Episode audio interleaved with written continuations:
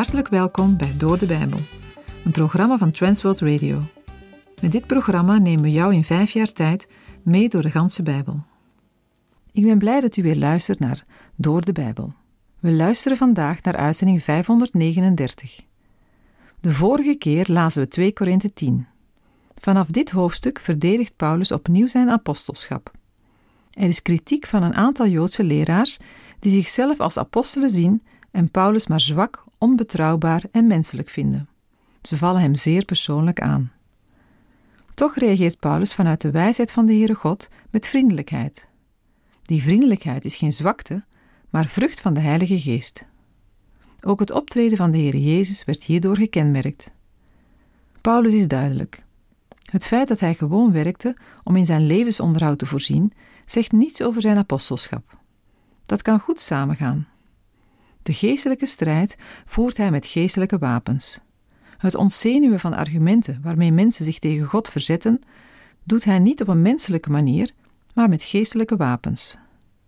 Christenen halen de overwinning niet door kracht of geweld, maar door de geest van God. Paulus' tegenstanders beroemen zich erop apostelen te zijn. Zij zien de door Paulus gestichte gemeente als hun eigendom en als het resultaat van hun inzet. Daartegenover beroemt Paulus zich op Gods kracht, die juist in persoonlijke zwakheid en in moeilijke situaties het meest zichtbaar wordt.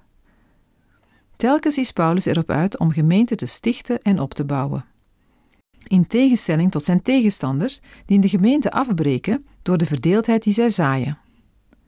Paulus schrijft hen dat hij als het nodig is sterk zal optreden. Sommigen zien zijn vriendelijkheid aan voor gebrek aan daadkracht en zwakheid. De apostel is er echter op uit om de zaak zo goed mogelijk op te lossen. Als het nodig is, zal hij de confrontatie niet uit de weg gaan. Hij hoopt alleen dat het niet zo ver komt. Wat door zijn tegenstanders als zwakheid getypeerd wordt, is juist een kenmerk van Paulus' geestelijke houding.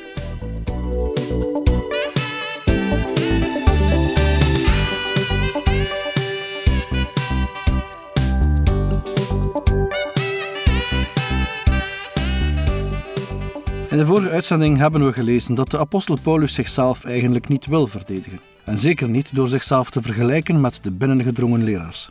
Hij vindt het eigenlijk een dwaasheid. Toch neemt hij de rol van een dwaas die zichzelf aanprijst op zich, omdat er geen andere manier blijkt te zijn om de Corinthiërs tot inzicht te brengen. Paulus is door sommige tegenstanders van gebrek aan wijsheid beschuldigd. In 2 Korinthe 11 gedraagt hij zich bewust als dwaas, om mogelijk zo zijn tegenstanders te beschamen. Paulus wilde met de Corinthiërs nogthans liever spreken over Christus dan tijd te besteden aan het verdedigen van zichzelf. Helaas moet je dat nu toch doen, want hij is bang dat ze door Satan worden afgeleid van de oprechte en zuivere toewijding aan Christus. Paulus zegt dat ze veel te goed gelovig zijn. Zelfs als iemand hen een heel ander beeld van Jezus geeft, geloven ze het. Als iemand aankomt met een andere geest dan de Heilige Geest, die ze hebben ontvangen, of met een ander evangelie, dan accepteren ze dat zomaar. We staan vandaag nog steeds voor het probleem van het prediken van een andere Jezus, een andere geest dan de Heilige Geest en een ander evangelie. Een evangelie dat niet terug te vinden is in het woord van God, is geen evangelie. 2 Korinthe 11 vers 6 En al ben ik onbedreven in het spreken, ik ben dat niet in kennis. Integendeel, wij zijn in elk opzicht in alles onder u bekend geworden. Paulus wil dat de Corinthiërs weten dat ook hij een apostel van Christus is. Het feit dat hij een tentenmaker was toen hij bij hen kwam, en volgens sommigen niet zo'n goede spreker, betekent niet dat hij geen apostel is. 2 Korinthe 11 versen 7 tot en met 9 Of heb ik zonde gedaan toen ik mijzelf vernederde, opdat u verhoogd zou worden? Ik heb u immers het evangelie van God om niet verkondigd. Andere gemeenten heb ik beroofd door een vergoeding aan te nemen ten dienste van u. En toen ik bij u was en gebrek leed, ben ik niemand tot last geweest. Want wat mij ontbrak, hebben de broeders die van Macedonië kwamen aangevuld. En in alles ben ik ervoor op mijn goede geweest, u niet tot last te zijn. En ik zal er ook voor op mijn goede blijven. Paulus had zijn onderwijs in tegenstelling tot de Joodse indringers zonder financiële vergoeding aan Korinthe doorgegeven. Dit argument van de financiële vergoeding wordt steeds weer tegen de apostel gebruikt, als een bewijs dat hij geen echte apostel is. Anders had hij wel gekregen waar hij recht op had. Maar Paulus gedraagt zich niet als de andere apostelen, die wel geld aannemen. Met een duidelijke ironie stelt Paulus de retorische vraag of hem deze handelwijze als zonde kan worden aangerekend. Paulus handelde bij de Corinthiërs niet verkeerd door geen geld van hen te vragen. Het feit dat hij van sommige gemeenten wel geld aannam, noemt hij een roof. Let wel, het is ironisch bedoeld. In de Griekse grondtekst gebruikt Paulus militaire termen, zoals plunderen en soldij. Paulus stelt het voor alsof hij als een slecht betaalde soldaat zijn eigen soldij door plundering bij andere gemeenten heeft binnengehaald. Op ironische wijze klinkt tussen de regels door dat de Corinthiërs van geluk mogen spreken, dat zij niet het slachtoffer zijn geworden van de plunderingen van Paulus. In werkelijkheid vond financiële steun alleen vrijwillig plaats. Paulus nam geen geld aan van pasbekeerden in de plaatsen waar hij het evangelie verkondigde. Wel aanvaarde hij ondersteuning van bestaande gemeenten en langer bekeerde gelovigen, die zo deel wilden nemen in de verkondiging van het evangelie. Hoewel Paulus naast zijn prediking van het evangelie in Korinthe ook gewoon werkte, kon hij daarmee blijkbaar niet altijd voldoende verdienen om in zijn levensonderhoud te voorzien. Maar gelukkig, onder andere de broeders die uit Macedonië kwamen, hebben in zijn nood voorzien. 2 Korinthe 11 versen 10 tot en met 12. Zo zeker als de waarheid van Christus in mij is, zal deze roem over mij in de streken van Achaïe niet tot zwijgen worden gebracht. Waarom? Omdat ik u niet lief heb? God weet dat ik u lief heb. Maar wat ik doe, zal ik ook blijven doen, opdat ik elke aanleiding wegneem van hen die een aanleiding zoeken, om in datgene waarin zij roemen aan ons gelijk bevonden te worden. Paulus zal zeker niet van deze gekozen weg afwijken. Het is duidelijk dat Paulus' tegenstanders het feit dat hij wel geld heeft aangenomen van de Macedoniërs en niet van de Corinthiërs tegen hem gebruiken. Al eerder hebben zij wantrouwen gezaaid ten aanzien van Paulus' motieven. Als er een relatie van liefde zou bestaan hebben, dan zou Paulus in hun ogen wel degelijk geld aanvaard hebben. De apostel heeft naar hun idee de Corinthiërs niet voldoende lief. Paulus zelf heeft daarop maar één antwoord: God weet wel beter. 2 Korinthe 11, vers 13. Want zulke lieden zijn valse apostelen, bedrieglijke arbeiders, die zich voordoen als apostelen van Christus. De indringers zijn helemaal niet gelijk aan of beter dan Paulus. Integendeel, het zijn schijnheiligen. Paulus' woorden zijn hier scherp. Niet zozeer omdat zijn persoonlijke erkenning in het geding is, maar omdat de kern van het evangelie wordt aangetast. Paulus noemt de indringers valse apostelen, bedrieglijke arbeiders, mannen die zich voordoen als apostelen van Christus. De binnengedrongen leraren hebben zich voorgedaan als vrome mensen. Hoe kunnen de Corinthiërs zich zo vergist hebben? 2 Korinthe 11 vers 14 En geen wonder, want de Satan zelf doet zich voor als een engel van het licht. Paulus zegt dat Satan zelf zich kan voordoen als een engel van het licht. Veel mensen hebben vaak het idee dat Satan gespleten hoeven en horens heeft. Maar Satan wordt in de Bijbel voorgesteld als een gevallen engel, tegenstander van God, een brullende leeuw en als een engel van het licht. 2 Korinthe 11 vers 15 het is dus niets bijzonders als ook zijn dienaars zich voordoen als dienaars van gerechtigheid. Hun einde zal zijn overeenkomstig hun werken. Als Satan zich al voordoet als een engel van het licht, dan is het ook geen wonder dat zijn handlangers zich voordoen als oprechte dienaren van God. De binnengedrongen leraren worden door de apostelen onomwonden handlangers van Satan genoemd. Zij zijn niet wezenlijk geïnteresseerd in het eeuwige heil voor de gelovigen, maar enkel uit op geld, eer en op eigen macht. De geschiedenis van de kerk kent helaas vele van zulke satansdienaren. 2 Korinthe 11, versen 16 en 17. Nogmaals zeg ik, laat niemand denken dat ik dwaas ben. En als u dat toch doet, ontvang mij dan ook maar als een dwaas, zodat ook ik een beetje zou mogen roemen. Wat ik nu zeg, zeg ik niet overeenkomstig de wil van de Heer, maar als in dwaasheid, wanneer het gaat om dit punt van roem. Nadat Paulus eerst duidelijk heeft gemaakt waarom hij zichzelf verdedigt, namelijk tegen het dreigende gevaar van verleiding door valse profeten, keert hij terug naar zijn eigenlijke verdediging. Met nogmaals neemt hij de draad van vers 1 weer op. De apostel moet steeds weer kwijt dat hij gedwongen wordt om over zichzelf te roemen. Zijn hart is vol van Christus en alleen over hem wil hij spreken. Maar nu er een aanval gedaan is op zijn apostelschap, moet hij zijn apostelschap wel verdedigen. Want daarmee werd er ook indirect aanval gedaan op Jezus en het evangelie dat hij de Corinthiërs heeft gepredikt en waardoor zij tot geloof gekomen zijn. Hij heeft Christus en de gelovigen in Korinthe te lief om leidzaam te blijven toezien, hoe dienaars van de Satan hun verderfelijke werk onder hen kunnen blijven doen. Ze moeten dus niet denken dat hij niet wijs is. En denken ze dat toch, dan moeten ze hem maar als zodanig aannemen. Een beetje wil hij roemen. Hij zal in de volgende versen zomaar even een paar dingen opnoemen, waardoor zij zullen weten wat voor dienaar hij is. Maar nogmaals, dat doet hij niet graag. 2 Korinthe 11, versen 18 tot en met 20. Omdat velen roemen naar het vlees, zal ik ook eens roemen. Want u verdraagt met genoegen de dwazen. U bent immers zo wijs. Want u verdraagt het als iemand u tot slaven maakt, als iemand u verslindt, als iemand het uwe afneemt, als iemand zich boven u verheft, als iemand u in het gezicht slaat. De Corinthiërs denken dat ze zo verstandig en sterk zijn. Dan moeten zij de verdraagzaamheid die bij verstandige mensen past, nu ook maar voor Paulus opbrengen.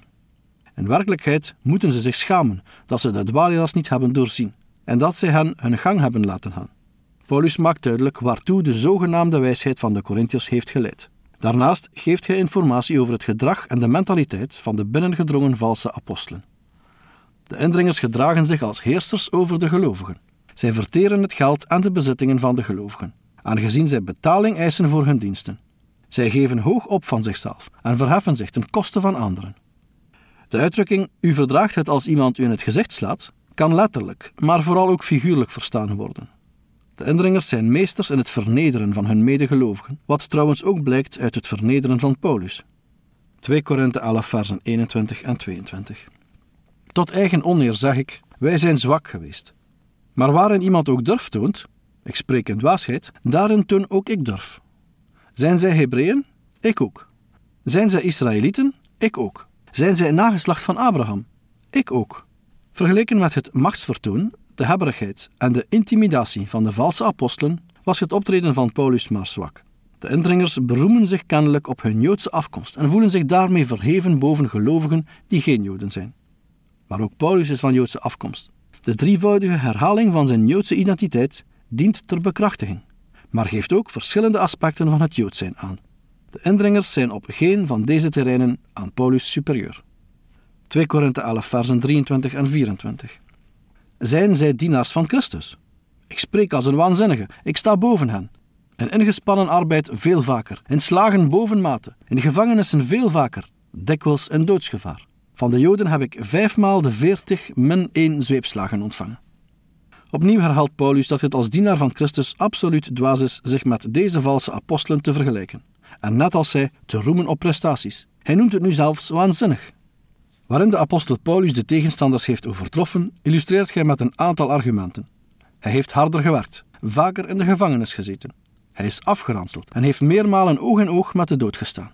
De bediening van Paulus werd gekenmerkt door vele aanslagen op zijn leven. Bewijzen al deze dingen, die hem om Christus werden aangedaan, niet dat hij meer dan anderen een dienstknecht van Christus is? Al geeft het Bijbelboek Handelingen geen informatie over de hier genoemde bestraffingen en lijden van Paulus, moeten ze wel in die tijd zijn voorgevallen, omdat Paulus toen regelmatig in conflict raakte met de autoriteiten van plaatselijke synagogen. Dit kan al kort na zijn bekering zijn begonnen. De toepassing van de maximale straf, de beruchte 40 men 1 zweepslagen, maakt duidelijk dat Paulus door de Joden van een ernstig misdrijf werd beschuldigd, vermoedelijk wetsverachting door het verkondigen van de rechtvaardiging door het geloof in Jezus Christus buiten de wet om. 2 Korinthe 11, versen 25 tot en met 27. Driemaal ben ik met de roede gegeeseld. Eenmaal ben ik gestenigd. Driemaal heb ik schipbreuk geleden. Een heel etmaal heb ik in volle zee doorgebracht. Op reis was ik vaak in gevaar door rivieren, in gevaar door rovers, in gevaar van de kant van volksgenoten, in gevaar van de kant van heidenen, in gevaar in de stad, in gevaar in de woestijn, in gevaar op zee in gevaar onder valse broeders, en inspanningen en moeite, vaak in nachten zonder slaap, in honger en dorst, vaak in vasten, in koude en naaktheid. Het gebruik van de roede bij bestraffingen was typerend voor de plaatselijke Romeinse overheid. Het enige voorval dat in handelingen hierover is beschreven, vinden we in Handelingen 16, vers 22. Hoewel Romeinse burgers nooit zonder vorm van proces gegeeseld of geslagen mochten worden, gebeurde dit af en toe toch. De steniging van Paulus te Lystra staat vermeld in Handelingen 14, vers 19. Als door een wonder overleefde de apostel deze uitbarsting van volkswoede. Drie keer heeft hij schipbreuk geleden. De enige schipbreuk die in Handelingen wordt genoemd, kan hier buiten beschouwing blijven, omdat deze pas enkele jaren na het schrijven van de Korinthebrief plaatsvond. De genoemde schipbreuken worden in Handelingen niet vermeld, maar zij kunnen in de eerste jaren na Paulus' bekering hebben plaatsgevonden. Een periode waarover het boek Handelingen zwijgt. Het reizen per schip was niet zonder risico's. In twee gevallen vond de schipbreuk blijkbaar bij de kust plaats, zodat Paulus vlug het land kon bereiken. Eén keer verhing het schip midden op zee. Paulus schrijft daarover dat hij eens een nacht en een dag in open zee rondgedobberd heeft. Pas na zo'n 24 uur op wrakhout te hebben rondgedreven, kwam er hulp opdagen. Het is natuurlijk ook mogelijk om bij deze woorden te denken aan de mogelijkheid dat de apostel er zelf in slaagde de kust te bereiken. Paulus heeft in zijn werk als dienstknecht van Jezus Christus heel wat moeten meemaken en doorstaan. Een goed moment om ons te realiseren wat een voorrecht het is om in een land te wonen waar voorlopig nog vrijheid van godsdienst is. 2 Korinthe 11, vers 28. Afgezien van wat van buitenaf komt, overvalt mij dagelijks de zorg voor alle gemeenten. Naast alle genoemde gevaren en ontberingen gaat Paulus bovendien gebukt onder een zorg die direct samenhangt met zijn bediening, namelijk de zorg voor de door hem gestichte gemeenten. 2 Korinthe 11, versen 29 tot en met 31. Als iemand zwak is, zou ik dan omwille van hem niet zwak zijn? Struikelt iemand, zou ik dan niet branden van verontwaardiging? Als er geroemd moet worden, dan zal ik roemen in mijn zwakheid. De God en Vader van onze Heer Jezus Christus, die te prijzen is tot in eeuwigheid, weet dat ik niet lieg. Paulus' medeleven met zijn medebroeders en zusters gaat heel ver. Als we de thema's waarop Paulus geroemd heeft bekijken, dan komen we tot de conclusie dat het voornamelijk gaat om moeiten, slagen, gevangenschappen en doodsgevaren. Eigenlijk thema's waarin de eigen onmacht van de apostel naar voren komt. Daarom schrijft Paulus: Als ik mij ergens op moet beroemen, doe ik dat liever op de dingen waarin ik zwak ben. Daarna verzekert Paulus plechtig dat hij de waarheid spreekt. 2 Korinthen 11, versen 32 en 33. In Damascus liet de stadhouder van koning Aretas de stad van de Damaskenen bewaken, omdat hij mij gevangen wilde nemen. En door een venster werd ik in een mand door de muur neergelaten en ontvluchtte zo zijn handen. Plots is er nog iets wat hem te binnen schiet. Iets wat hem nog zwakker maakt dan hij al is. Hij is een keer op een heel minderwaardige, bijna belachelijke manier uit een moeilijke situatie ontsnapt. Niet door een of ander wonder. Nee, hij werd in een mand langs de stadsmuur naar beneden gelaten. Je ziet hem hangen in een mandje, de grote apostel. Een allesbehalve spectaculaire ontsnapping. Niet bepaald iets om indruk mee te maken. Ja, zo is deze apostel.